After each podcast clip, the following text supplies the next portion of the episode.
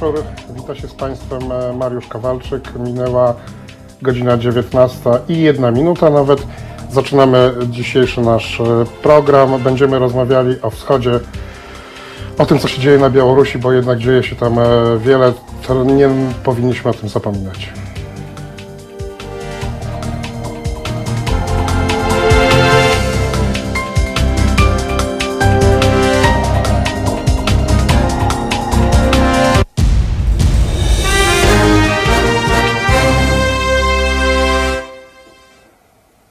Dobry wieczór jeszcze raz Państwem. E, Wita się Mariusz Kowalczyk przed mikrofonem. W trochę lepszym stanie jestem pod względem zdrowia niż tydzień temu, ale nadal jestem e, w domu i prowadzę audycję z domu.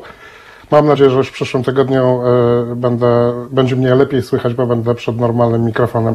Dzisiaj chciałem z Państwem w pierwszej godzinie porozmawiać o wydarzeniach na Białorusi.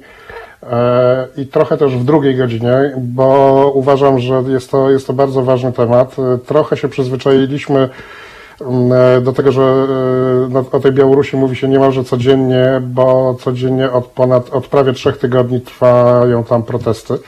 Dzisiaj akurat protestują kobiety. OMON próbuje je rozdzielać i kobiety protestują dlatego, żeby no żeby po prostu OMON miał jakieś e, hamulce przed na przykład biciem, zatrzymywaniem, aresztowaniem. E, Z nami jest e, nasz gość, pan Tomasz Walczak, dziennikarz Super Expressu. Dzień dobry, czy się słyszymy? Tak, doskonale się słyszymy. Witam serdecznie słuchaczy, witam pana redaktora. I ja witam pana redaktora.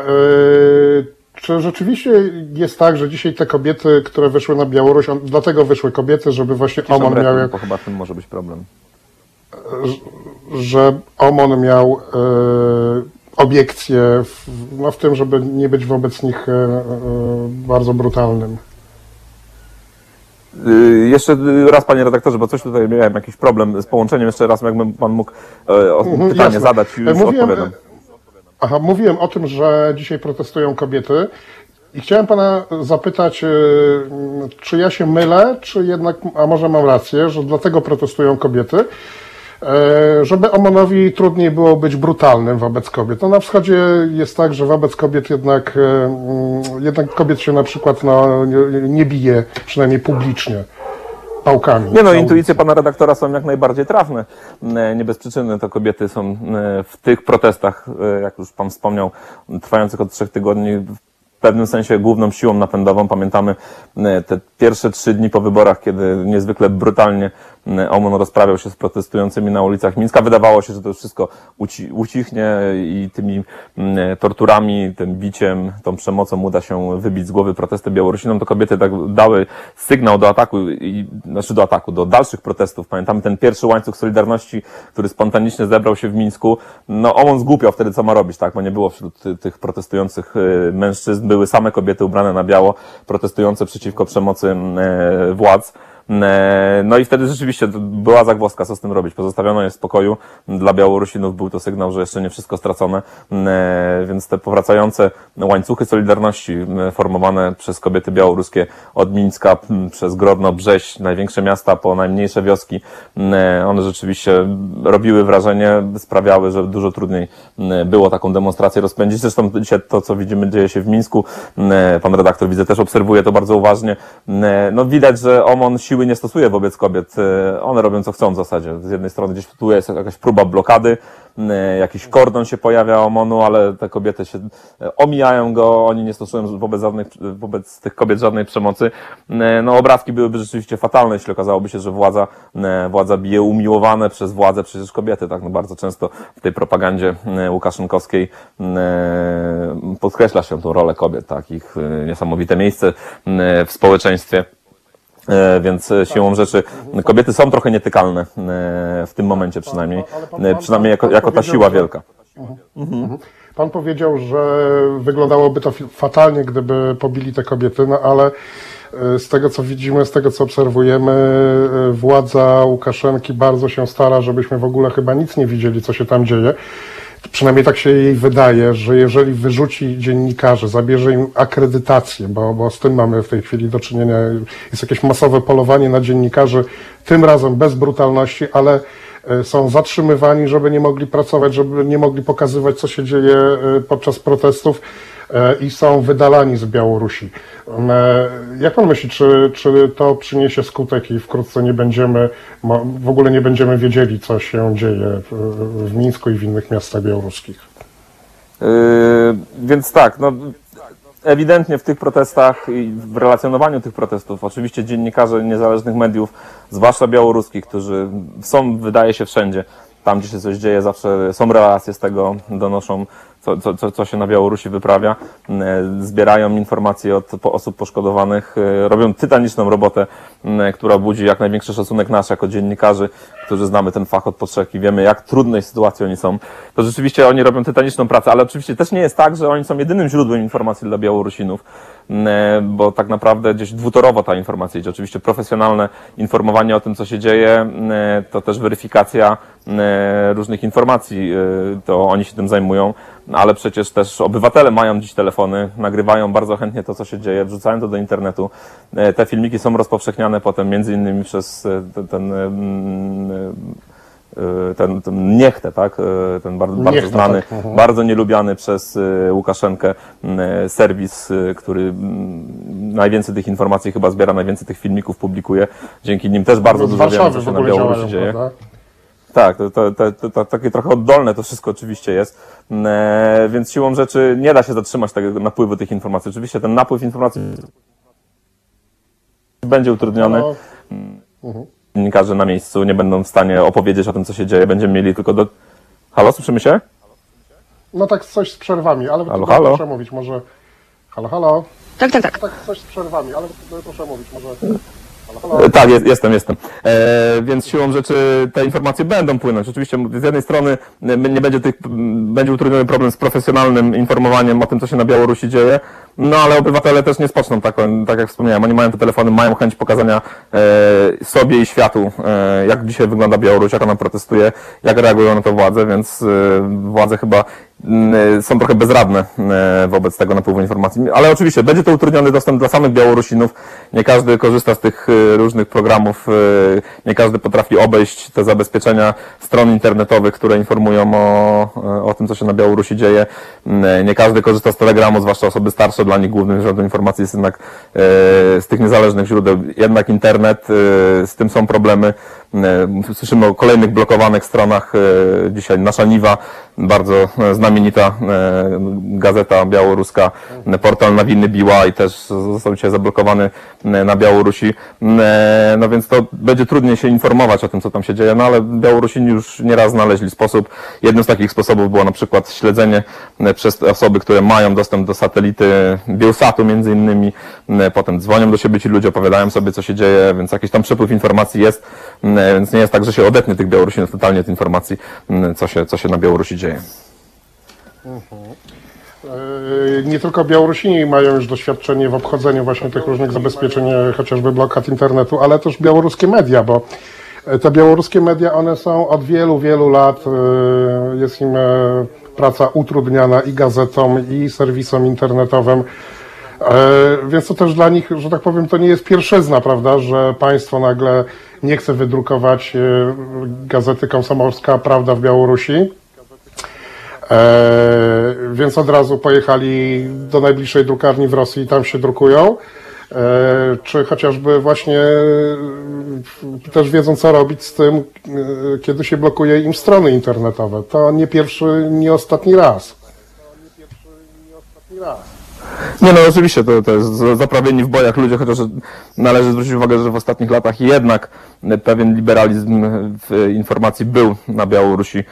Ta informacja była dosyć łatwo dostępna, te gazety można było kupić w kiosku. Ja pamiętam swoje pierwsze podróże na Białoruś na początku e, tego stulecia, gdzie naszej Niwy czy Narodnej Woli e, nie dało się w kioskach kupić. Dziś, e, znaczy do niedawna było to bardzo, bardzo łatwe, e, ale rzeczywiście zaprawieni w bojach przez te kilkanaście lat, kilka, e, dwadzieścia ponad e, już e, walki z mediami przez reżim Łukaszenki, oni wiedzą, jak to wszystko obchodzi. Białorusini też się nauczyli szukać tych informacji, mm, e, więc to rzeczywiście mm, absolutna taka blokada, taki e, zaciemnienie zupełnie obrazu i zostawienie Białorusinów tylko i wyłącznie z tą propagandą łukaszenkowską, która leje się z państwowej telewizji, no, no nic nie da, tak? No, tym bardziej, że Białorusini absolutnie nie ufają, e, przynajmniej większość z nich nie ufa temu, co się w kanałach informacyjnych mówi. E, teraz też te doświadczenia z ostatnich trzech tygodni, kiedy mogli skonfrontować te niezależne informacje z tym, jak przedstawiała wydarzenia Białorusi e, ta łukaszenkowska propaganda, te kilka kanałów państwowych i ich wiadomości, no to, to absolutny brak zaufania, e, więc no, nie, nie jest możliwe, żeby dziś Białorusini poz- pozostali bez, bez jakiejkolwiek wiedzy o tym, co, co się w ich kraju dzieje. No jeszcze w tym wejściu e, wspomnijmy o jednym wydarzeniu, dosyć chyba istotnym. E, a mianowicie po trzech tygodniach e, prezydent Rosji Władimir Putin e, uznał e, wybory, wynik wyborów na Białorusi, e, że on jest prawda prawomocny, chociaż jakoś tak chyba bardzo się nie cieszył, e, jak zwykle ogłaszając e, tę, tę decyzję. Ale czy to może świadczyć o tym, że Putin doszedł do wniosku, że Putin e, uważa, że, że, że Łukaszenka wygrał. Uważa, że, że, że Łukaszenka wygrał. Myślę, że może to o tym świadczyć. Zwróć, zwróćmy uwagę rzeczywiście na, na kalendarium wydarzeń. No, e, Władimir Putin był jednym z pierwszych przywódców, choć chyba tym razem nie pierwszym, który złożył gratulacje e, z powodu zwycięstwa Aleksandra Łukaszenki jeszcze przed ogłoszeniem oficjalnych wyników.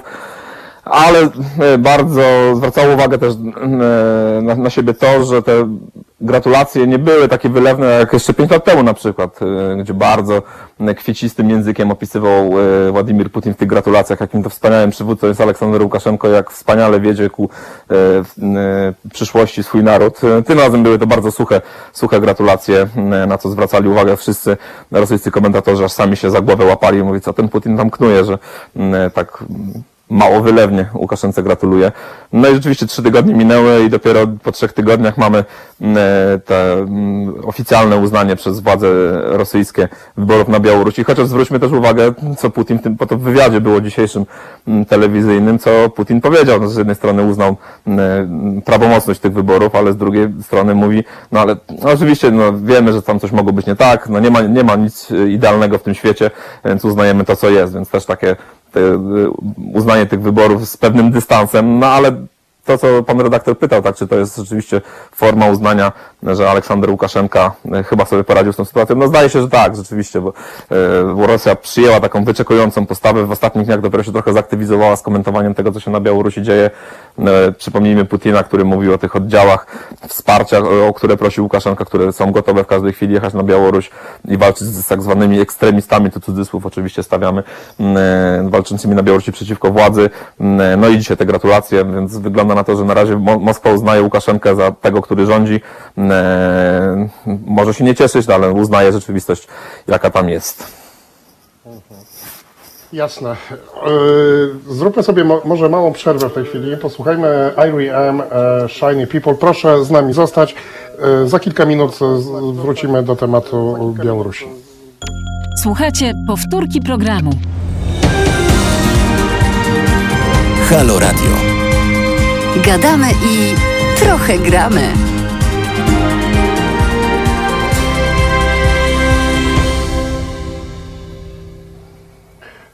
E, Jeszcze raz dobry wieczór. Przed mikrofonem Mariusz Kowalczyk. Minęła godzina 19.21. E, Rozmawiamy o Białorusi. Naszym gościem jest Tomasz Walczak z Super Expressu. E, Ja ostatnio pooglądałem sobie nasze e, takie telewizje internetowe, e, prawicowe, e, niektóre wręcz nacjonalistyczne. E, Robiłem to służbowo, ale mm, tam bardzo dużo mówi się o Białorusi w tych, w tych telewizjach i zauważyłem mm, taką prawidłowość, że one wszystkie mówią to samo. E, Ja za, zaproponowałem naszemu gościowi, że ja się zamienię właśnie e, w takiego mm, adwokata trochę diabła e, i takiego redaktora takiej telewizji, E, I, i będę właśnie mm, dysk, dyskutował i przedstawiał argumenty z tych telewizji, a, a Tomasz Walczak będzie nam tłumaczył, czy, czy to jest prawda, czy nie. I najpierw może yy, ja już jako ten redaktor yy, internetowej telewizji prawicowej chciałem e, zauważyć, e, panie Tomaszu, że e, te protesty są kompletnie niezrozumiałe, bo na Białorusi przecież świetnie się żyje. E, Aleksandr Łukaszenka e, wydobył e, Białoruś e, no, z takiego bagna postkomunistycznego, dał ludziom pracę, przy czym nie jest, nie pracują tak jak na Zachodzie w takim e, e, strasznym kapitalizmie krwiożerczym, ale to są, mogą sobie pracować w państwowych firmach, gdzie się miło i fajnie pracuje, więc przeciwko czemu w ogóle się buntować? Drogi redaktorze prawicowej telewizji, zacznijmy od tego, że e, Aleksander Łukaszenka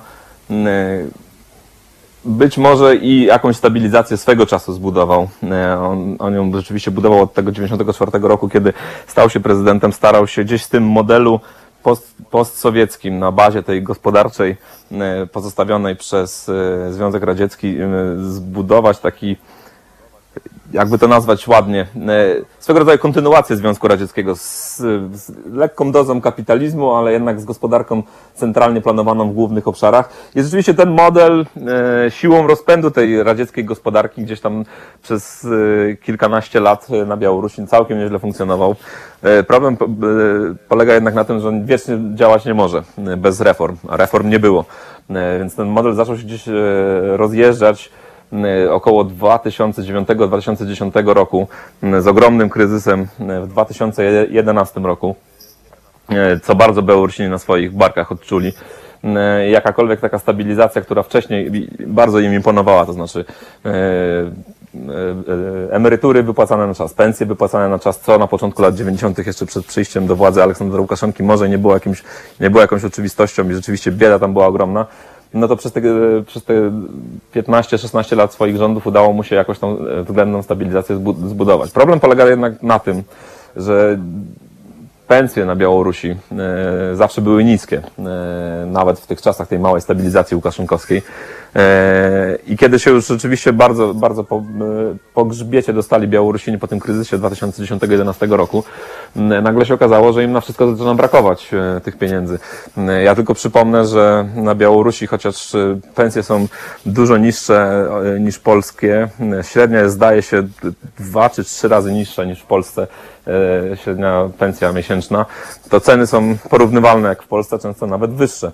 Więc zgranie tych budżetów domowych y, Białorusinów, y, wzrost tych cen nieustanny, nawet na podstawowe produkty, no jednak odbija się na kieszeniach Białorusinów. Oni bardzo często, ci, którzy mają taką możliwość, y, żeby mm, jakoś zaoszczędzić, po prostu hodują sobie w ogródkach na jakichś daczach czy przydomowych często się zdarza, że przy blokach gdzieś na prowincji takie ogródki są, e, hodują sobie ziemniaki, hodują sobie marchewkę i takie podstawowe warzywa, zrobią z nich przetwory, żeby e, ja- jakoś tam zaoszczędzić na tych produktach. Więc nie jest tak, że e, Aleksander Łukaszenka zbudował niesamowitą e, stabilną gospodarkę, gdzie wszystkim żyje się wspaniale, bo się nie żyje. No i ten bunt, który dzisiaj widzimy, E, On częściowo jest ekonomiczny.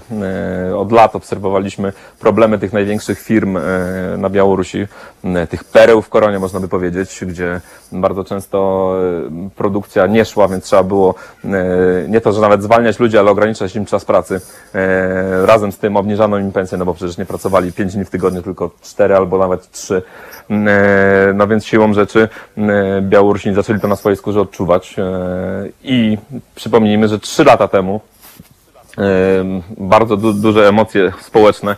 M, Trochę to co, to, co widzimy dzisiaj, zaczęło się właśnie wtedy, kiedy Łukaszenka próbował wprowadzić podatek od bumelanstwa, to znaczy chciał ukarać podatkiem tych, którzy nie mają pracy, co spotkało się z ogromnym oporem społecznym. Wtedy właśnie po raz pierwszy Białoruś zaczęła protestować przeciwko Łukaszence nie tylko w największych miastach, ale też trochę w tych mniejszych ośrodkach. No i główną pretensją do ludzi było to, że no halo, halo, chcecie nam karać za to, że nie mamy pracy, a tej pracy po prostu nie ma. No i rzeczywiście wiele zakładów e, zwalniało ludzi, ta- tą pracę było trudno znaleźć. M, Zwłaszcza w takich miastach, gdzie, które wyrosły wokół wielkich fabryk e, i tylko z tego żyły.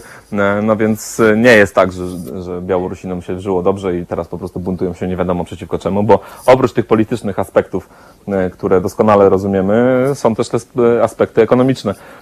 Mała stabilizacja Łukaszenkowska dawno się skończyła i t- ten mm, krzyż, powiedzmy, ekonomiczny, który niosą dzisiaj na swoich barkach Białorusini, no to zaczynał już tak ciążyć, no że siłą rzeczy no, wybuchli, e, a wystarczyła iskra polityczna. Mam nadzieję, że zrozumiale, panie No tak, redaktorze, panie- prawicowej telewizji wytłumaczyłem. Mm, No tak, ale wie, wie pan, panie Tomaszu, y, nie samym chlebem człowiek żyje przecież, bo to, to jest tak, że ten kapitalizm, który przyszedł do nas w 1989 roku, no to on zniszczył całą moralność, e, jakieś takie poukładanie społeczne.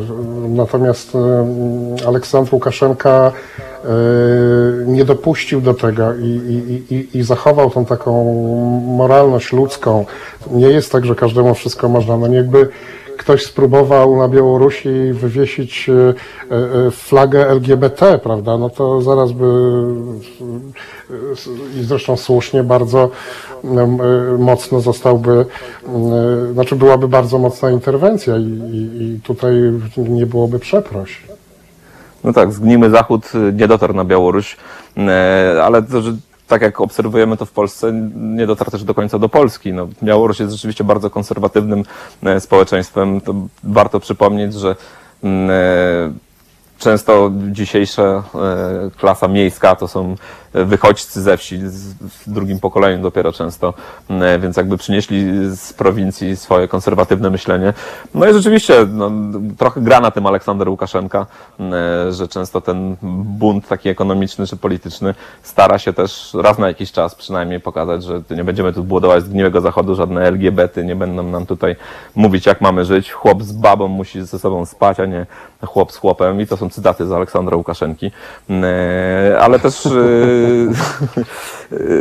no niestety, tak, tak, tak mówi Aleksander Łukaszenka. Człowiek też prosty, bo też z kołchozu przecież. E, Więc jakby, no oczywiście, nie ma co się bronić przed tym Zachodem, bo ten Zachód tam jeszcze tak naprawdę do końca nie przyszedł e, na Białoruś. E, Czy przyszedłby razem z kapitalizmem? Nie sądzę. Czy przyszedłby razem z parciem Białorusi na Zachód? Pewnie tak, ale y, wiele jeszcze wody w Niemnie, w Prypeci y, y, przepłynęło, zanim Białorusini y, staliby się tak y, progresywnym pod tymi względami światopoglądnymi narodem jak kraje Europy Zachodniej. Skoro w Polsce to się przez tyle lat nie udało, Białoruś tym bardziej y, jako konserwatywne społeczeństwo y, raczej by się na tym nie skupiła. Zresztą na Białorusi nie jest taki szczególny temat, nigdy nie był, y, nawet opozycja czy ludzie sprzeciwiający się władzy. y, Dla nich głównymi tematami jest jednak, y, są swobody polityczne, jest jednak naprawa gospodarki, y, poprawa dobrostanu obywatelskiego, tak by ludzie nie musieli wyjeżdżać za pracą y, do Rosji czy na, czy na Zachód, by ro, rodziny, które y, dzisiaj, no właśnie a propos tradycyjnych wartości, to warto teraz może przy, przy okazji wspomnieć, y, że bardzo często y, białoruskie rodziny są rodzinami w zasadzie rozbitymi, bo mężczyźni najczęściej wyjeżdżają za granicę e, za pieniędzmi, gdzie lepiej się e, żyje. Bardzo długo ich nie ma w domu. E, Kobiety same zostają z dziećmi e, i tylko tak naprawdę mężczyźni wysyłają pieniądze, raz na jakiś czas przyjeżdżają najczęściej raz na kilka miesięcy, więc e, siłą rzeczy model ekonomiczny e, białoruski, ten, który tak chwali polska prawica, tak chwali Aleksander Łukaszenka i tak, który tak wielu się być może podobać, no to jest jednak czymś, co uderza w te tradycyjne tak zwane wartości, w tą podstawową komórkę społeczną, jaką jest rodzina. No więc dostrzegajmy rzeczywistość, drogi redaktorze prawicowej telewizji. No tak, ale panie, panie redaktorze, przecież pan doskonale wie, że te demokratyczne wartości to jest tylko przykrywka. Y, To jest, to jest przykrywka tych, którzy organizują y, te wszystkie demonstracje i te wszystkie y, rozruchy. I to jest wszystko opłacone przecież. No to nikt, nikt nie, nie, nie, nie, wyjdzie o tak tyle ludzi naraz, prawda, żeby żeby demonstrować. Normalnie ludzie siedzą w domach i, i, i zajmują się swoimi sprawami, a to jest opłacone przez tych samych, którzy opłacali kiedyś na Ukrainie e, demonstracje i, i, i ten cały Majdan, który doprowadził Ukrainę no, do, do upadku, do wojny. Co pan chce na Białorusi to samo mieć? Zacznijmy od tego, że nie da się porównać Ukrainy i Białorusi. E, Te protesty, zanim przejdziemy do ich natury, z- skupmy się na ich e, źródle. To nie jest protest za czy przeciw konkretnej pozycji geopolitycznej Białorusi. Nie jest to, pro, nie jest to protest, w którym ważne jest to, w którą stronę Białoruś pójdzie, czy pójdzie na zachód, czy pójdzie w stronę bardziej Rosji, jeszcze- bardziej niż do dzisiaj, niż dotychczas. To jest protest przede wszystkim, e, w którym chodzi o wewnętrzną politykę i wewnętrzny układ sił e, społeczeństwo kontra władza, e, więc nie ma tego tła geopolitycznego, więc tak naprawdę nie wszyscy są, w zasadzie nie ma nikogo zainteresowanego tymi protestami. E, Zachód, e, mający bardzo dużo problemów dzisiaj sam ze sobą, e, do głowy by mu nie przyszło, żeby e, jakoś Białoruś, tak jak to sugerują na- nasi prawicowcy, podpalać e, i rzucać na barykady w walce przeciwko Łukaszence i Putinowi. No nie, to nie jest, nie jest ten charakter. A jeśli chodzi o mm, zarzut, o, o organizowanie, no słyszeliśmy oczywiście z ust Aleksandra Łukaszenki, e, zdaje się też szefa Ministerstwa Spraw Wewnętrznych, pana Karajewa, że ci protestujący otrzymują w dolarach wypłatę za to, żeby przyjść protestować, że są jakieś komórki tajemne, które te protesty organizują, jakaś podziemna organizacja wyzwolenia Białorusi. No nie ma czegoś takiego. To są bardzo spontaniczne m, e, reakcje ludzi e, i to jest e, niesamowity charakter tych protestów, m, że nikt tych ludzi na ulicę nie wypędzał. Oni sami z potrzeby własnej zademonstrowania sprzeciwu wobec tego, co się na Białorusi dzieje, wychodzą. I nie wychodzą tylko ludzie tradycyjnie przeciwni władzy Aleksandra Łukaszenki, no ale też ludzie, którzy, którym do tej pory Aleksander Łukaszenka nie przeszkadzał. E, To e, te filmy, te relacje z, i zatrzymań na ulicach białoruskich miast i te relacje z aresztów e, śledczych i więzień, w których przetrzymywano tysiące demonstrantów, bardzo denerwowały bardzo wielu Białorusinów i nawet ci, którzy m, z Łukaszenką jakoś tam sympatyzowali, wychodzili i protestowali, mówiąc, że nie, no to, to już przeciwko temu trzeba się oburzyć, tak? Więc to jest taka autentyczna, e, autentyczna emocja społeczna, e, która się wymyka jakimkolwiek organizatorskim e, ruchom. E, ich zresztą nie ma, e, bo być nie może, bo opozycja w dużej mierze została rozbita przez Aleksandra Łukaszenkę, ta taka polityczna, po 2010 roku. E, Ona nie ma jakiejś żadnej siły sprawczej, e, nikt specjalnie jej nie chce słuchać e, i też trzeba pamiętać, że na ulicę wychodzą ludzie, o bardzo różnych poglądach politycznych, o bardzo różnym statusie społecznym, o bardzo różnych, o bardzo różnej demografii, tak? To nie są tylko ludzie młodzi, nie tylko klasa średnia, to jest cały przekrój społeczny, e, więc rzeczywiście jest to autentyczny bunt społeczny, e, nad którym nikt nie potrafi zapanować, e, nikt nie potrafi go w ryzy wziąć. Nie ma lidera, który by to wszystko na siebie wziął, bo i skąd on miałby się wziąć. Żadne zachodnie siły tam palcy nie maczają, więc proszę się nie martwić. To jest tylko i wyłącznie autentyczny białoruski gniew społeczny. No wie pan, nasz kolega y, z, z- najwyższego czasu, tak się chyba to czasopismo nazywa, y, napisał wprost, że jeżeli konsekwencją tego, co się dzieje na Białorusi, będzie rozpad y, Białorusi, no to na przykład taka grodzieńszczyzna to powinna Polsce przypaść. Co pan myśli o, taki, o takim scenariuszu?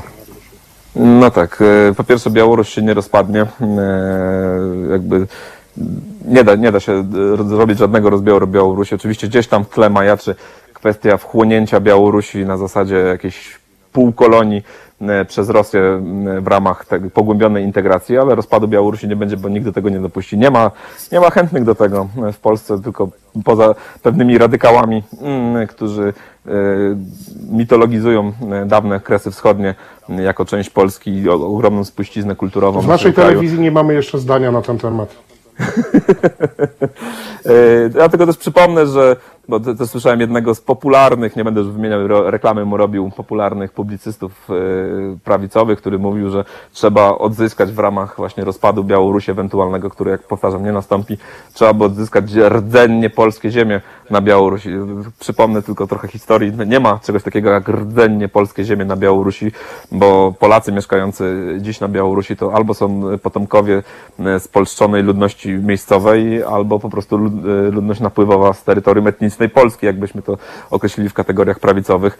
E, Tam od wieków ludność ruska mie- mieszkała.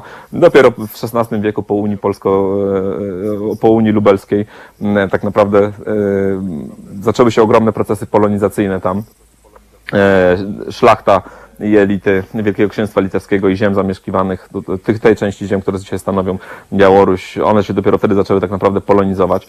E, Z czasem też e, w ramach tej walki nar- narodów zwłaszcza Polaków z Rosjanami, zaczęto przypisywać wszystkich katolików Białorusi do tego etnosu polskiego, co jest nieprawdą absolutnie, bo wielu, wielu Białorusinów e, z krwi i kości było katolikami, niekoniecznie Polakami, nawet w domu po polsku nie mówili, więc e, nie ma czegoś takiego jak rdzennie polskie ziemi na Białorusi, nie ma tam czego odzyskiwać, nie ma po co tam wracać, e, to jest część Białorusi, Nawet Polacy mieszkający dzisiaj tam na Białorusi nie mają e, żadnych e, takich rewanżystowskich czy rewizjonistycznych pomysłów, żeby przywracać e, te ziemie zamieszkałe przez siebie, zwłaszcza w zachodniej części Grodzieńszczyzny do Polski.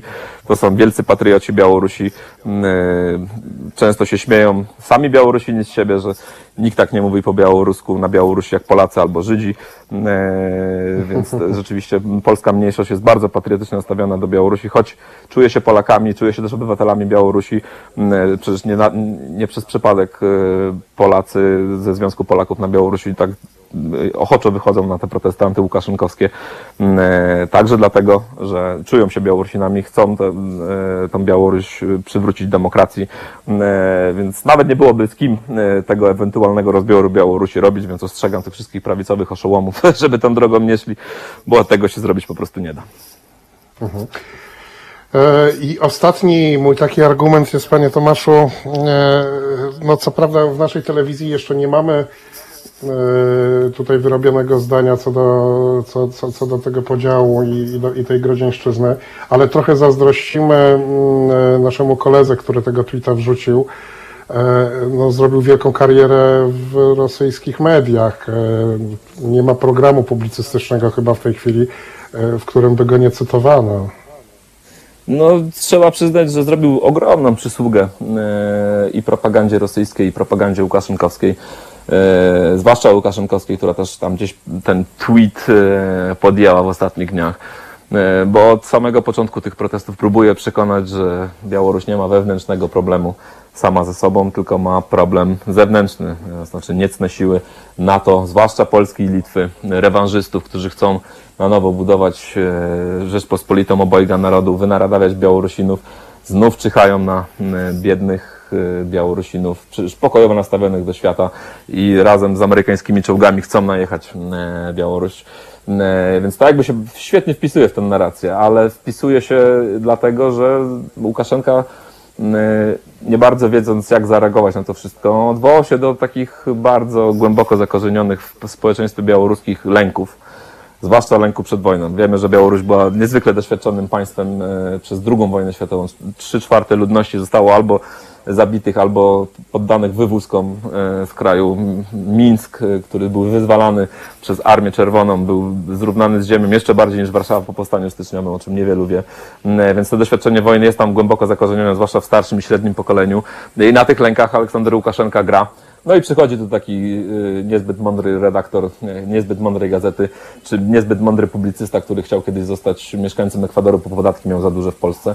Y, I mówi o tym, że będziemy to odzyskiwać. No to jak to się ma nie wpisywać w tą, w tą narrację łukaszenkowską i, i dawać mu asum do tego, żeby mobilizować wojska y, na, na granicy i tę tę- tą histerię antypolską, antylitewską wzniecać, by przestraszyć Białorusinów, którzy rzeczywiście mogą, i często to rzeczywiście już zaczyna działać, którzy mogą się bać pewnej destabilizacji, pewne, pewnego zagrożenia militarnego.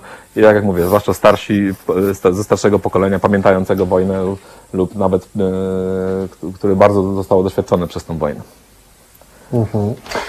E, Chciałem tutaj naszym słuchaczom e, zaproponować, że jeżeli e, Państwo macie ochotę e, popolemizować e, z redaktorem z prawicowej e, telewizji, to bardzo chętnie. Telefon 22 39 059 e, 22.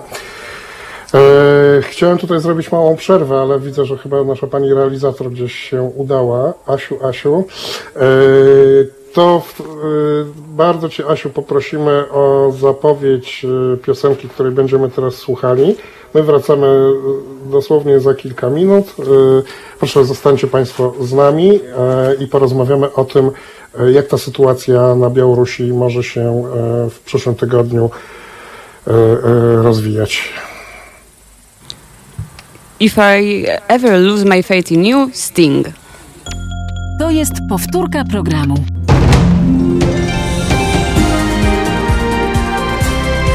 Halo Radio. I już jest godzina 19.48. Przed mikrofonem Mariusz Kowalczyk. Naszym gościem jest e, Tomasz Walczak z Super Expressu. Rozmawiamy o Białorusi. E, Ja już wróciłem na ziemię e, z telewizji prawicowej, internetowej. Trochę, trochę dało mi do myślenia pooglądanie tych telewizji i co się mówi na temat Białorusi w nich. E, Panie Tomaszu, chciałem zapytać e, o taką sprawę.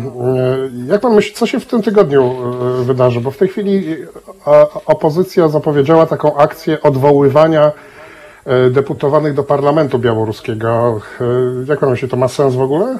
I co to ewentualnie może dać?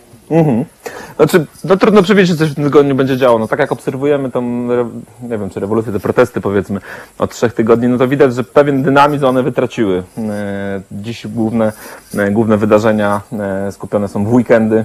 Mm, Tak jak ten dzisiejszy marsz, jutro, jutro zapowiadany e, wielki protest znowu w Mińsku. Czy on się odbędzie, to jest dobre też pytanie, bo przecież pamiętajmy, że jutro są 66. urodziny Aleksandra Łukaszenki i pytanie, czy si- struktury siłowe będą chciały zrobić taki prezent Aleksandrowi Łukaszenki, Ale- Aleksandrowi Łukaszence, że znów e, zostanie pobity rekord, e, jeśli chodzi o frekwencję na protestach antyrządowych. E, Więc to jest wielkie pytanie, co wydarzy się jutro. E, W tygodniu, no oczywiście będziemy obserwować dalej te wieczorne spotkania, zwłaszcza na Placu Niepodległości w Mińsku, które już w, w mijającym tygodniu przecież były m, rozpędzane prze, przez e, władze biało, e, przez e, tych siłowików, jak to się mówi o nich na wschodzie. E, Więc tu trudno przewidzieć rzeczywiście, jaka ta dyn- dynamika będzie e, i o, te, te, tego się nie podejmuje. Jeśli chodzi o te akcje odwoływania posłów, to jest w ogóle ciekawy, e, ciekawa e, rzecz, która się wydarzyła przy okazji pandemii w zasadzie, bo to od tego trzeba chyba by zacząć e, taką samoorganizację i samą wiedzę, samowiedzę, tak bym to nazwał, też Białorusinów, co oni mogą e, sami zrobić. E, to się zaczęło przy okazji pandemii, kiedy państwo mówiło, że nie ma żadnej pandemii, więc ludzie zaczęli się skrzykiwać i finansować sami sprzęt ochronny dla, dla lekarzy i dla szpitali. E, I taka samo, samoorganizacja i samoświadomość obywatelska, ona jeszcze bardziej rozkwitła w czasie, w czasie kampanii wyborczej. E, Sztab Wiktora Babaryki bardzo do, ba- po raz pierwszy pokazał chyba Białorusinom, że oni jakieś prawa mają, choć to prawo nie jest egzekwowane na Białorusi, zachęcał do korzystania z tego wszystkiego, co daje mm, białoruskie prawo im jako obywatelom przy okazji wyborów. Stąd taka ogromna ilość tych chętnych do obserwowania nie, nie, jako niezależni obserwatorzy tych wyborów, e, między innymi. E, Teraz widzimy tą samą organizację przy okazji na przykład tego, co się dzieje wokół tych aresztów śledczych, gdzie są wolontariusze, którzy pomagają tym wychodzącym, dają wodę, ubranie, jakąś pomoc psychiczną, e, wsparcie psy- psychologiczne. E, No i teraz kolejny taki pomysł, jak wykorzystać te narzędzia, które daje prawo. Tak? No jest rzeczywiście tak, że jeżeli 20% e, wyborców z danego okręgu podpisze się pod taką listą o odwołanie e, deputowanego, no to można to zrobić. E, Więc to jest kolejna forma e, jakiegoś nacisku na, na ten drugi garnitur, powiedzmy, urzędników państwowych, żeby i te, tego aparatu. No tak, ale ta procedura jest tam okropnie No skomplikowana. jest, tak, tak, tak, ale to nawet nie o to chodzi, że czy ona będzie skuteczna, czy nie, tylko po raz kolejny właśnie Białorusini pokazują, że e, są świadomym społeczeństwem, to już nie jest takie bezwolne społeczeństwo, jak się wydawało Łukaszence jeszcze parę miesięcy temu, że tak jak e, określał ich jeszcze parę lat temu jako narodziec, to przypomnę takie rosyjskie słowo, którego używał Aleksander Łukaszenko, bardzo ob- obraźliwe e, wobec narodu. Czyli jaki narodek. E, taki narodek, tak. Mo, mo, nawet chyba mocniej to po rosyjsku brzmi niż po polsku. E, w każdym Mocno, razie on, Nie ma on, polskiego oni, odpowiednika chyba. nie ma, nie ma, ale to takie bardzo, bardzo słowo, które ubodło bardzo e, Białorusinów. I oni chcą mu pokazać, że oni są jednak tym społeczeństwem, są tym narodem samoświadomym, który samo bierze sprawy w swoje ręce. I oczywiście ta akcja pewnie się nie uda, bo na jakimś etapie e, władze uznają, że to nie, nie jest prawomocne i się z tego wycofają, ale to kolejna forma e, jakiejś mobilizacji jest e, przeciwko reżimowi. E, Trzeba pamiętać, że takie takie umieranie władzy autorytarnej, e, ono następuje między innymi wtedy, kiedy rodzą się różne pomysły, jak przeciwko tej władzy się buntować. No, mieliśmy już protesty, mieliśmy próby strajków, e, mieliśmy różne formy tych protestów, e, też są, zbierają się ludzie śpiewają po prostu patriotyczne pieśni w różnych miejscach e, na Białorusi, nawet na targach, e, co jest jakąś formą buntu. No i to jest kolejny taki, e, kolejny wektor tego działania e, przeciwko władzy, więc e, nie ze względu na skuteczność trzeba na to patrzeć, ale ze względu na budowanie takiego silnego społeczeństwa, gdzie w trybie ekspresowym dzisiaj Białorusini uczą się jak być społeczeństwem obywatelskim i jak widać całkiem dobrze im to wychodzi. Właśnie przeglądam informacje na Twitterze i e, przeczytałem dzisiaj w Berlinie odbył się z kolei marsz taki anty, antykowidowy, czyli tych ludzi, którzy nie wierzą, e, e, nie wierzą w pandemię. E, i, i- chcą w ogóle, żeby nie było żadnych ograniczeń, żadnego dystansu społecznego, maseczek i tak dalej. I, no i protestujący, właśnie to protestujący krzyczeli, skandowali Putin, Putin. Ciekawe, prawda? No tak. No wiemy, że Putin jest e, rzecznikiem tych, nazwijmy ich delikatnie, ludzi nie, nie do końca twardo stąpających po, e, po, po glebie. Te wszystkie teorie spiskowe dzisiaj są przez e, te trole e, rosyjskie e, podsycane. Ruch antyszczepionkowy w Polsce też przecież nie wziął się znikąd, e, też jest animowany w pewnym sensie przez, przez e, służby rosyjskie. No więc macki docierają na pewno też do Berlina, gdzie e, ta, ta gleba jest żyźniejsza na tego typu, na tego typu rzeczy. E, Ale nikt nie krzyczy dzisiaj Putin, Putin na Białorusi. E, Wracając do Mińska, tam mówią ludzie, poradzimy sobie bez niego. E, Więc tam nikt za tą Rosją nie tęskni. Ludzie e, oczywiście boją się tego, że Rosjanie tam wejdą i to jest autentyczny też strach społeczeństwie białoruskim, bo oni tej, tej interwencji żadnej nie chcą bratniej Mm, i chyba to nawet Putin rozumie, bo jeszcze się na nie- zdecydował. I też trochę nie rozumiem Putina, e, że mówi o tej mobilizacji tych e, resortów siłowych rosyjskich, które miałyby pomóc Łukaszence, Mm, e, bo dobrze wiemy, że nie ma takich silnych emocji antyrosyjskich e, w społeczeństwie białoruskim, ale one łatwo mo- można je No tak, a to może, może, też- może je wywołać przy okazji.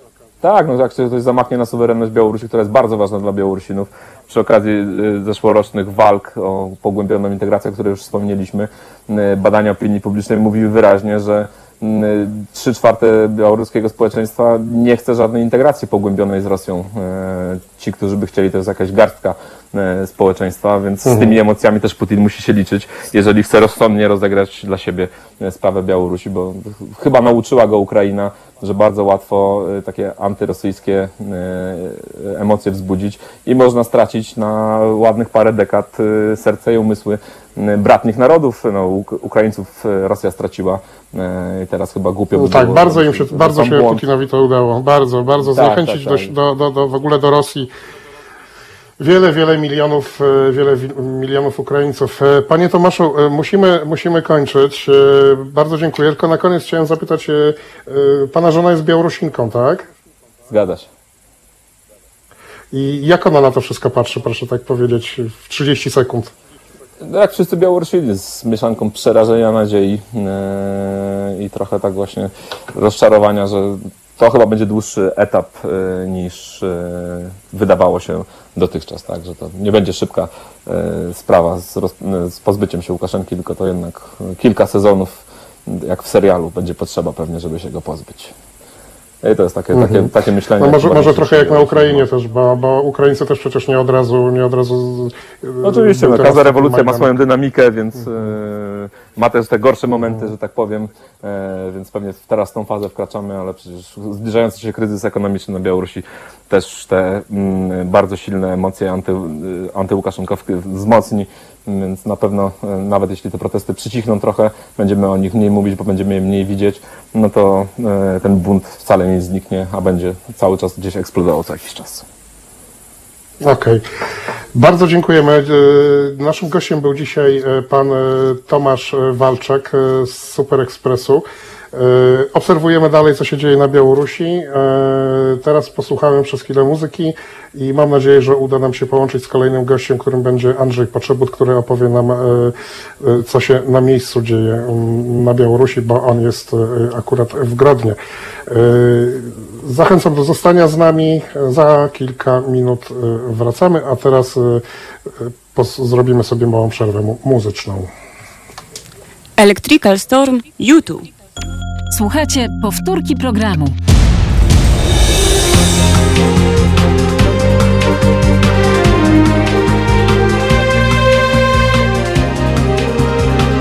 Halo Radio.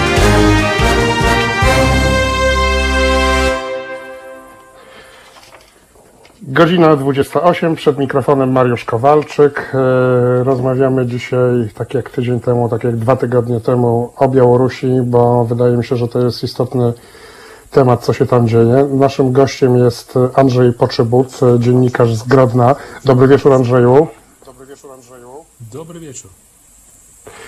E, Andrzeju, chciałem Cię zapytać, czy Ty przypadkiem w tej chwili nie łamiesz prawa, bo z tego co wiem, Ty chyba nie masz akredytacji do pracy do zagranicznych mediów, a w tej chwili właśnie przekaz, będziesz przekazywał to, co się dzieje na Białorusi, a z tego co widzę, władzom białoruskim bardzo zależy na tym, żeby e, dziennikarze będący na Białorusi nie, nie przekazywali informacji z Białorusi, e, zatrzymuje się ich, odbiera się im akredytację. E, A ty, a ty co, tak sobie be- bez, bez akredytacji tutaj działasz? Znaczy, no tak, ale ty już rozumiesz, że e, praca bez akredytacji, ona nakłada pewne ograniczenia. To w wypadku, jeżeli ja zostanę zatrzymany na e, wiecu, no to nie, nie, nie będę potraktowany jako dziennikarz, tylko będę potraktowany jako uczestnik wiecu. I nikogo nie obchodzi, że rzeczywiście wykonuję pracę dziennikarską i opisuję rzeczywistość, którą, którą widzę, a nie kreuję ją tam. Także, także A co by, tak a to co by ci No za i- to groziło? do 15 dni aresztu. I e, wiesz, no ja myślę, że dla jeżeli, jeżeli e, no, służby mają dobrze rozpracowane środowisko dziennikarskie, jeżeli im będzie zależało na przykład, żeby, żeby zdjęcia tam Associated Press, czy, czy, czy France Press, czy, czy, czy jakakolwiek inna agencja, no bo po, po, e, pozbawili, e, e, pozba, pozbawili akredytacji dziennikarzy właśnie takich czołowych e, zachodnich agencji, nie miała zdjęć, no to ona nie będzie miała. Jeżeli, jeżeli e, oni się uprą, żeby na przykład Associated Press nie miało relacji z mm, Mińska, no to nie, nie będzie Associated Press e, miało tej relacji. Także, także tu sytuacja jest taka, no, niejednoznaczna. Znaczy, moim zdaniem, no, władzom bardzo zależy na tym, żeby światowe agencje ko- korzystały przede wszystkim z rosyjskich, z, ro- z rosyjskich mediów, dlatego że Rosja jest po stronie Łukaszenki, no i, i te e, reżimowe media, jakby białoruskie de facto teraz, no, e, Russia Today rządzi na Białorusi, tak, tak bym powiedział, dlatego że oni oni właśnie robią państwową propagandę teraz na Białorusi. No i ja myślę, że, że jakby ta brutalizacja wobec mm, zachodnich mediów to po części jakby pomysł być może właśnie tego środowiska. No tak, ale e, nie wiem, czy się ze mną zgodzisz, ale to jest jakiś kompletny anachronizm, bo e, w epoce internetu e, tak naprawdę mm, przy odpowiednim przeszkoleniu mm, każdy może przekazywać informacje z Białorusi do redakcji w innych krajach. Tutaj w jakiś tam sposób, prawda, są na to sposoby, te informacje mogą być weryfikowane. I chociażby, gdyby nawet wszystkim odebrali te akredytacje i wszystkich dziennikarzy y, na 10 kilometrów y, od tych protestów y, odsunęli, to my i tak będziemy te informacje dostawali. Czy, czy, czy, czy jednak myślisz, że jest takie zagrożenie, że w pewnym momencie może nastąpić blokada informacyjna tego, co się dzieje na Białorusi? Ale nie chodzi o stuprocentową blokadę, przecież nie, nie, nie, nie, nie, nie o to w tym e, wszystkim chodzi. chodzi. Chodzi o stworzenie pewnych barier. I e, to dzieje się jakby równolegle. Znaczy z jednej strony blokują najpopularniejsze portale internetowe. Owszem, no ja potrafię obejść blokady i e, nadal mam dostęp do tych e, portali, ale ile, ile ludzi na Białorusi po- potrafi obejść blokady? Na pewno dużo, ale nie wszyscy. I moim zdaniem nawet nie połowa od tych e, odbiorców, których pozbawiono dostępu do informacji. Jednocześnie niezależne tytuły nie mogą być drukowane na Białorusi, a jak wydrukują się w Rosji, one, one się drukują w Rosji, to nie są rozpowszechniane na Białorusi. Także no, a do tego dochodzą problemy na przykład z mobilnym internetem, kiedy, kiedy w pewnym momencie, kiedy jest akcja służb siłowych, wyłącza się mobilny internet. I e, nawet jak ktoś nagrał, to nie może szybko przekazać. No. E, uwaga, uwaga świata no, nie będzie cały czas skupiona na Białorusi, już, już jakby inne, inne tematy em, są. No i, i, razem z tym opóźnianie e, przekazu jakby e, ma swój wpływ. Zawsze, zawsze miało, miało swój wpływ, wpływ, także to nie jest jakby no, w całości pozbawione sensu jakiegoś tam z punktu widzenia re, resortów siłowych, ale owszem, to mm, znaczy przeciąć blokadę w całości na pewno się nie uda i jakby no, żeby stworzyć Koreę albo, albo nie wiem, Turkmenistan, no to tro, trochę czasu to zajmie, tak, tak od razu to się nie robi. Mhm. E, Dzisiaj jest e, w Mińsku, e, pro, protestują kobiety. Oglądam właśnie na telegramie mm, filmy z tego protestu. E, Amonowi nie udało się zatrzymać tego marszu kobiet, e, one go przerwały. E, Andrzeju, czy to jest e, specjalnie tak wymyślone, że właśnie przeciwko temu Omonowi wychodzą kobiety, bo Omon e, no, no, no nie będzie ich bił, bo, bo, to fatalnie by wyglądało, gdyby, gdyby poszły obrazki w świat, e, gdyby oni zaczęli te kobiety pałować. Czy to, czy to o to chodzi? Czy to w ten, w ten sposób zostało właśnie wymyślone? że mm, OMON albo Aleksander Łukaszenka teraz przejmuje się opinią świata. Tak, znaczy tak bardzo. Ja myślę, że mm, bicie kobiet by źle, znaczy mogło spowodować kolejny wybuch na Białorusi i, i dlatego, dlatego one nie są traktowane przynajmniej w, znaczy tam, gdzie mogą, tam, gdzie można nagrać, tam, gdzie, gdzie na pewno, na pewno te, mm, jakby stosunek do nich e, stanie się publiczny. Ja nie wiem, na przykład os, osoby zostały zatrzymane, jak one będą traktowane. Ja, ja, ja po prostu nie wiem, dlatego, że to może być nadal e, lejtowe traktowanie, a może być i nie, nie, i nie lejtowe traktowanie. I nigdy nie wiadomo, kiedy, e, kiedy i gdzie ta granica jakby między em, prawem i bezprawiem, ona w każdej chwili może zostać, zostać prze, e, przez służby e, przekroczono. E, Tak, pomysł tej akcji, że idą kobiety, to był, był właśnie no, celowy, dlatego że w ostatnich dniach kobiet nie aresztowano, ale za to, jeżeli jest mężczyzną, to jego natychmiast wyłapują i, i aresztują. E, jakby, no i, i, i ten marsz kobiet to właśnie była, była reakcja na te, na te protesty, na, na, na, zachowanie służb, na wyłapywanie mężczyzn. Ale tam w tym marszu też mężczyźni brali uwagę, udział i to, i to jakby widać na, na, na filmikach i na e, jakby z relacji. Kto teraz te akcje protestacyjne e, koordynuje? Czy, ta rada, czy to jest ta rada e, koordynacyjna, która się uformowała, czy, czy, czy to jest jakiś inny ośrodek? Znaczy, one są nakręcane przez telegram-kanały, te protesty. I pomysły, e, pomysły e, jakby tru, trudno mi powiedzieć, kto, kto ostatecznie podejmuje, ale, ale najpopularniejsze telegram-kanały um, umieszczają przekaz, który jakby taki plan. No i, i, i ludzie dostosowują się dobrowolnie, dostosowują się do tego planu. Ja myślę, że e, relacje tych telegram-kanałów z Radą Koordynacyjną są poprawne, jak mi się wydaje. Tak ja, ja jak analizuję treść e, tych e, jakby komunikatów w telegram-kanałach, no to wydają się być poprawne. Ja nie, nie jestem pewien, że Rada Koordynacyjna nakręca te protesty, ale jestem pewien, że ona je pochwala, o tak bym powiedział. Mhm. No, pomysłem już na pewno Rady Koordynacyjnej, bo, bo o tym e, czytaliśmy, jest to, żeby e, zgłaszać do odwoł, żeby spróbować odwoływać e, parlamentarzystów parlamentu białoruskiego, który jest ciałem fasadowym, umówmy się od razu. Bo na według białoruskiego prawa jest możliwość teoretyczna y, odwołania y, parlamentarzysty, Mm, tylko ona jest bardzo skomplikowana i przeprowadzają tak naprawdę w rękach wszystkie sznurki. Y, W tym procesie mają ludzie władzy, tutaj w tym przypadku no, władze Aleksandra Łukaszenki. Andrzeju, czy mógłbyś nam wyjaśnić, po co, po, co, po co to jest robione i jaki skutek ma to odnieść? Znaczy, no, jest pewien pad na Białorusi. My obserwujemy pewien, pad, kiedy, kiedy z jednej strony Aleksander Łukaszenka ma władzę i protesty nie są w stanie obalić Aleksandra Łukaszenka, a z drugiej strony Aleksander Łukaszenka nie jest w stanie zapanować nad, e, nad e, ulicą do końca. Dlatego, że no, jeżeli spojrzymy na skalę protestów, to widać, że ewidentnie one się kurczą.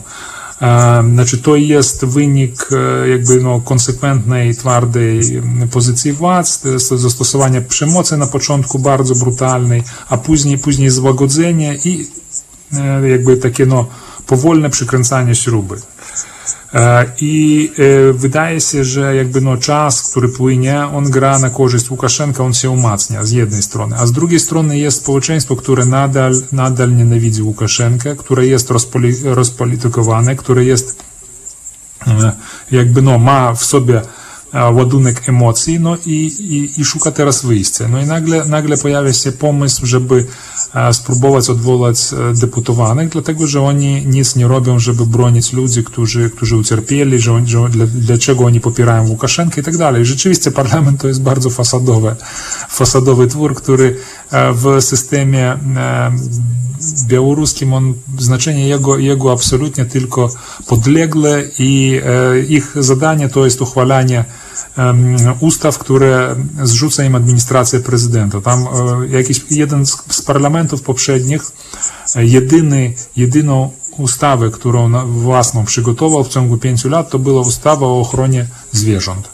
Вот, to była ich jedyna, jedyna inicjatywa. A więcej żadnych, żadnych em, ustaw po prostu no, nikt, nikt z nich nie, nie, nie przygotowywał.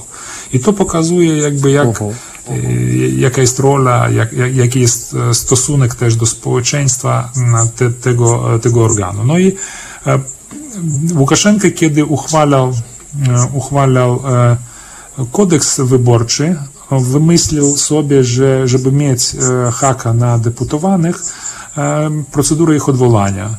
No, on ją maksymalnie e, zrobił taką no, złożoną, ale do tego, do tego, żeby ją przeprowadzić, no, potrzebna wielka mobilizacja ludzi. W normalnej sytuacji oczywiście moim zdaniem to ni- nic, 20% podpisów okręgu wyborczego no, zebrać po prostu nierealne.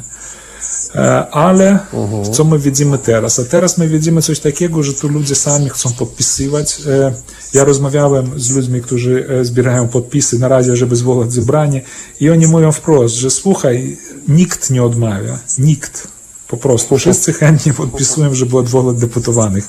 Dlatego, że wszyscy zdają sobie sprawę, że to są darmozjady, które, które tak naprawdę nic nie robią i pomocy żadnej społeczeństwu od nich nie ma.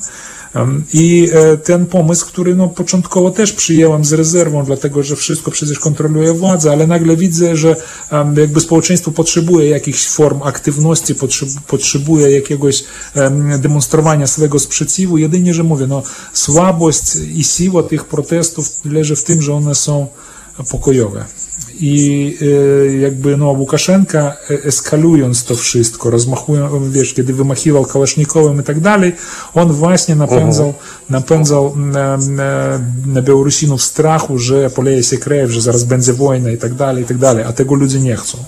No i wokół tego właśnie toczy się, toczy się teraz walka. Być może po części protesty padają dlatego, że mm, stają się bardzo konfrontacyjne i jest zagrożenie, że, że po prostu sytuacja rzeczywiście zaraz e, doprowadzi do jakiegoś rozwiązania siłowego. No, żeby to było rozwiązanie siłowe, to na pewno e, Łukaszence i jego kamratom bardzo by się przydało zaostrzenie tej sytuacji, jakiś atak ze strony e, protestujących, chociażby na funkcjonariuszy OMON-u, czy, czy, czy jakichkolwiek ludzi w pagonach.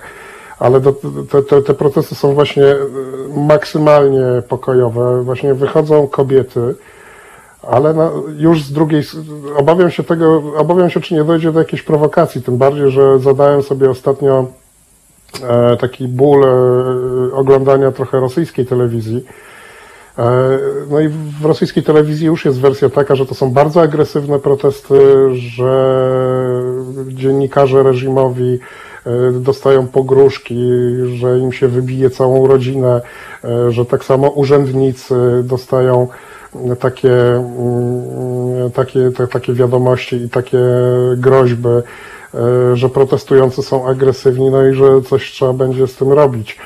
E, czyli tak naprawdę mm, wygląda to trochę jakby na przygotowywanie, e, na, na, na przygotowywanie jakiegoś pretekstu po to, żeby, żeby zakończyć te protesty. Boisz się tego? Obawiasz się? Obawiasz się? Takiego scenariusza?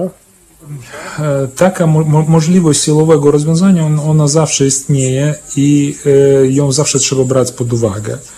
E, I e, ja, ja bym nie wykluczał, że w pewnym momencie Łukaszenka, Łukaszenka jakby sięgnie po jakieś takie no, drastyczne bardzo środki, ale jak na razie, no ja, ja widzę, e, że sytuacja rozwija się w następujący sposób, że on powoli przykręca śrubę i to działa. Jakby to coraz mniej, mniej ludzi na ulicach, w Grodnie już jakby akcje tylko lokalne, Centralny plac jest obstawiony barierkami, w środku tam patrole milicyjne i już centralny plac od kilku dni jest pusty, oni, oni już kontrolują centralny plac.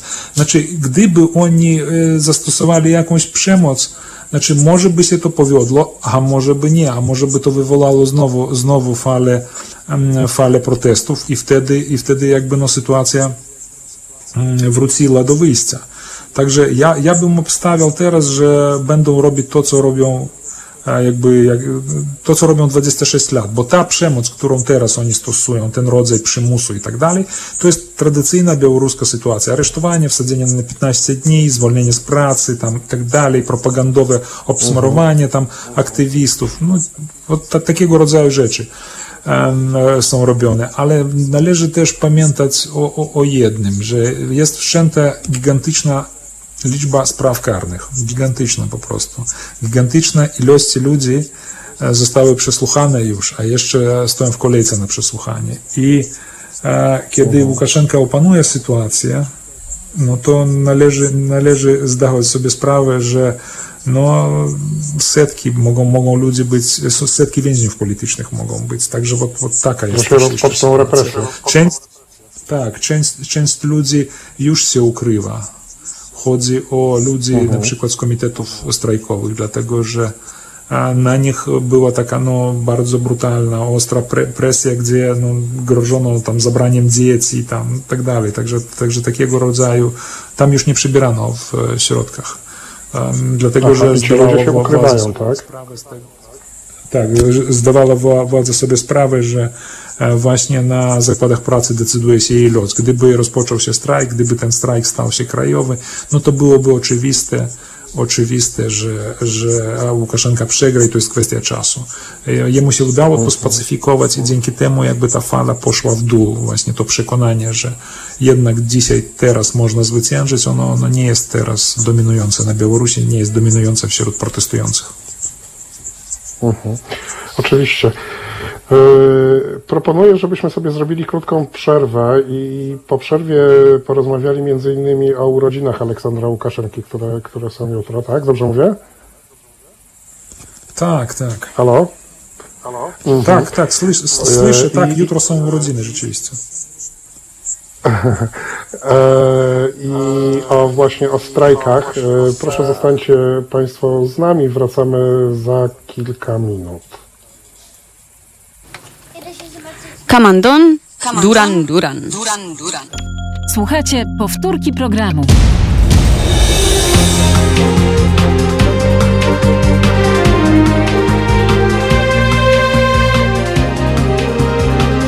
Halo Radio.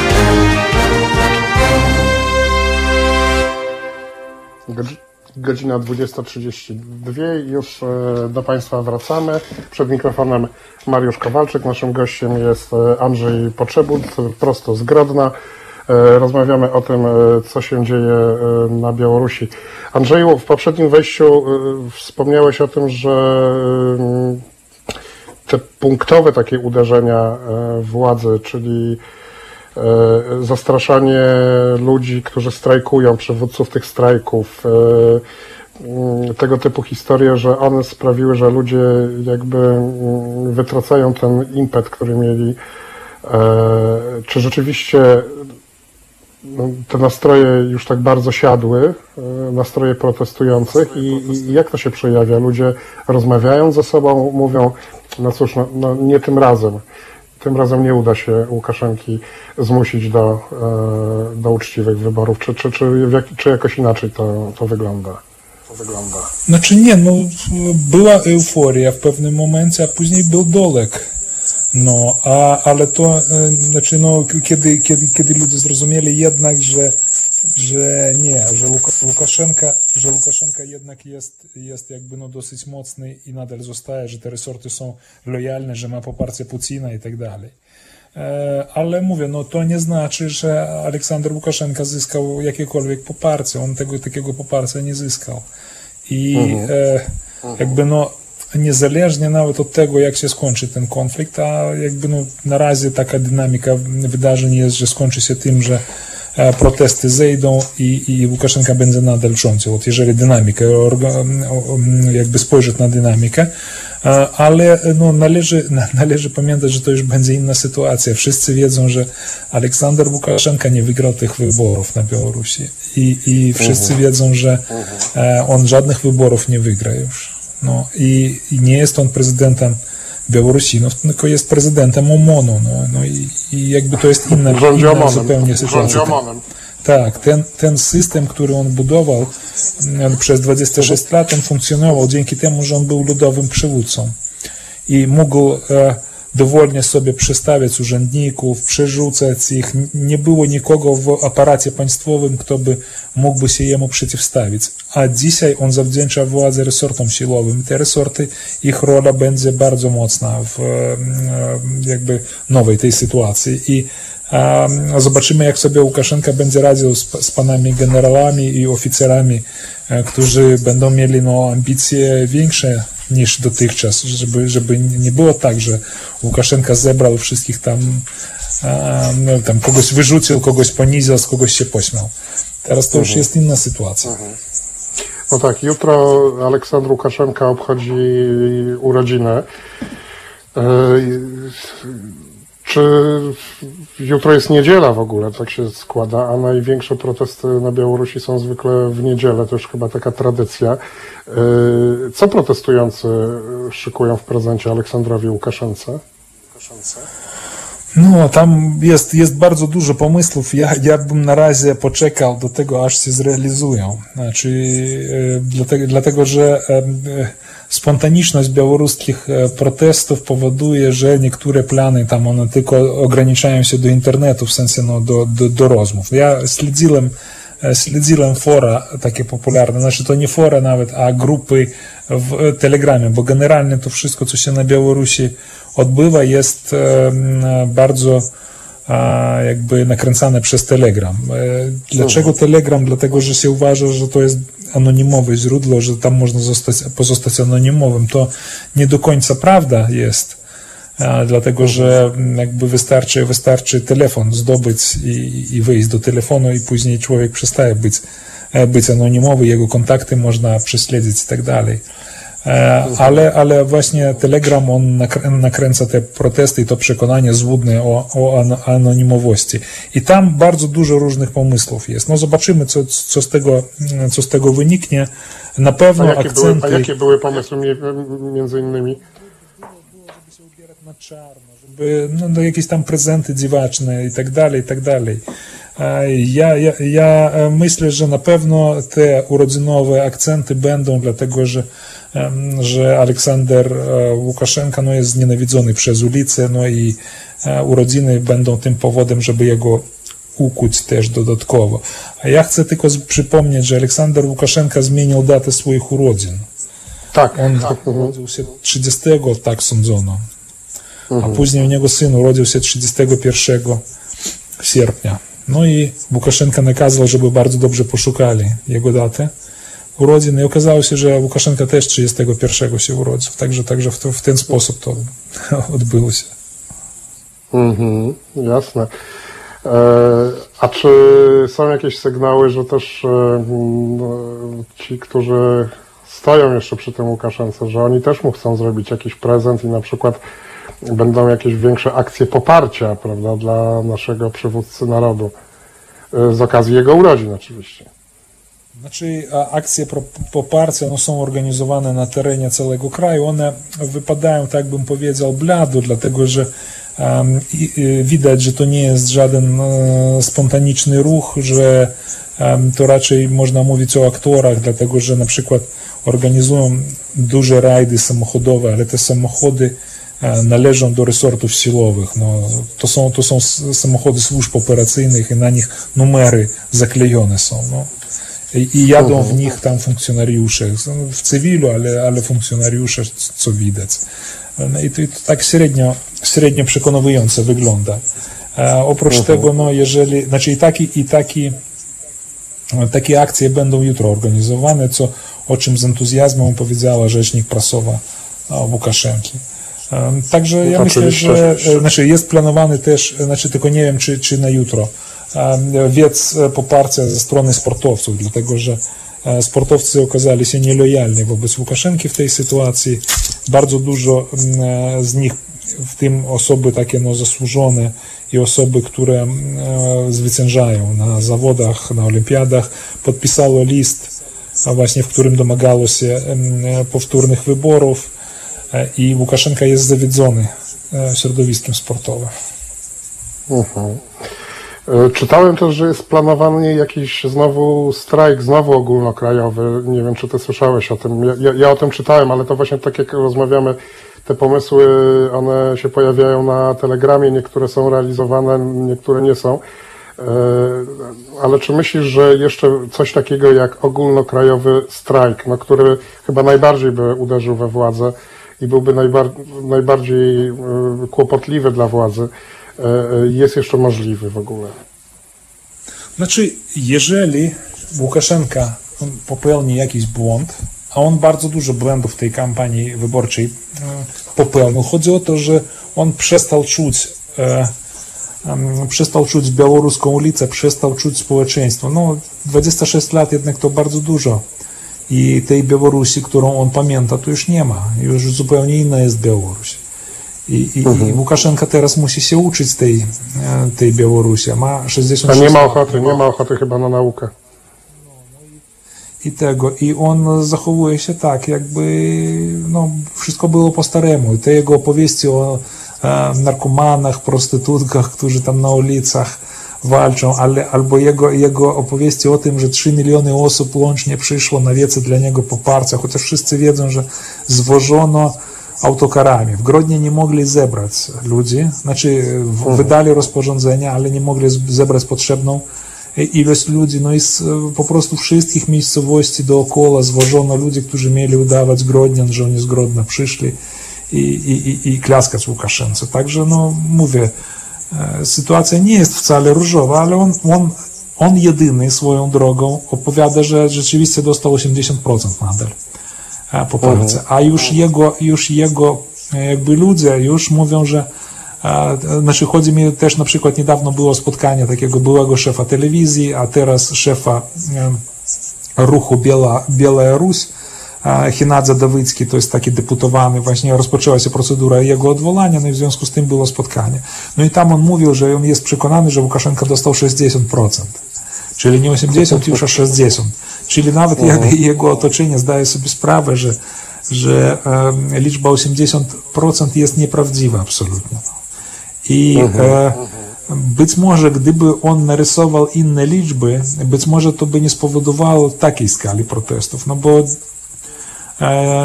jakby e, on przesadził w wielu, w wielu momentach i to, była, to był jeden z takich momentów, któ- który, który ewidentnie zmotywował ludzi, żeby wyszli na ulicę. Że No tak, ale, ale to sam doskonale wiesz, że to byłaby dla niego sytuacja niekomfortowa, gdyby on sobie napisał 52% poparcia. No bo co to za poparcie? On, on chce by, być takim no, władcą absolutnym, a władca absolutny musi być kochany przez cały naród, a przynajmniej przez 80% tego narodu. Dokładnie, dokładnie. To jest, to jest jego, jego słaby punkt i ten słaby punkt na nim się zemścił. A, moim zdaniem on tym pogorszył sytuację i przekonanie powszechne, że wybory zostały sfałszowane, no, no ono, ono e, jest gorsze niż e, to, żeby on namalował, no w mojej ocenie. Nie wiem tak jak w ocenie Łukaszenki. Moim zdaniem to, że malował tak duży sobie mm, wynik, świadczy tylko o jednym, że on nigdzie nie wybiera się, nie wybiera się żegnać z władzą, on planuje da, dalej rządzić i, i, i po prostu dlatego, a dlatego to, to było robione właśnie w ten sposób. Te wszystkie rozmowy, że zaraz Łukaszenka odejdzie, wprowadzi zmiany do konstytucji tam, czy i tak dalej, nic podobnego. Moim zdaniem, on sam mówił, że tam on też może odejść, ale nie pod presją ulicy, ale to wszystko jest puste gadanie.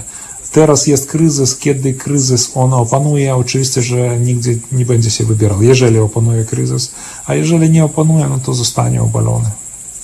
Mhm. Andrzej, powiedz mi już na koniec, będziemy kończyli, bo czas nam się kończy. Jak wygląda w tej chwili na przykład życie w Grodnie? Jak ono się zmieniło od y, czasu, od czasu właśnie wyborów? Y, Czy, no bo ja rozumiem, że ludzie starają się ży- żyć normalnie i żyją pewnie normalnie. Chodzą do pracy, chodzą do sklepu, y, chodzą na spacery. Y, To chyba nie jest tak, że nie wiem, że wszyscy żyją w jakimś takim napięciu i, i, i, myślą tylko o Łukaszence, tak? Znaczy, no tak, tak zawsze jest, że jakaś część e, wychodzi, protestuje, a reszta jakby żyje swoim, swoim życiem. Ale temat e, wyborów, temat protestów, e, temat represji, on jest najważniejszy teraz na Białorusi. O tym wszyscy rozmawiają. Tu, od tego się nie da ukryć. Ale, ale no mówię, no, knajpy są otwarte, e, kawiarnie są otwarte, sklepy są otwarte, tam kolejki w sklepach też się zdarzają. Także, także to jest z jednej strony jakby takie normalne życie, a z drugiej strony no, e, jest jednak napięcie i świadomość, że sytuacja jest dynamiczna i może się zmienić w bardzo nieoczekiwany sposób. No, gdybym była Aleksandrem Łukaszenką, zastanowiłbym się, czy nie zamknąć e, tych knajp. Teraz dobry powód by był, bo prawda, COVID, no, bo jednak w knajpach jak ludzie siedzą, coś y, jedzą albo piją piwo, no to sam temat się narzuca i na pewno rozmawia się o, o, rozmawia się o protestach i rozmawia się o tym, jak reaguje na te protesty Aleksander Łukaszenka. E, Andrzeju, bardzo serdecznie Ci dziękuję za obecność dzisiaj i za tłumaczenie nam tego, co się dzieje na Białorusi. E,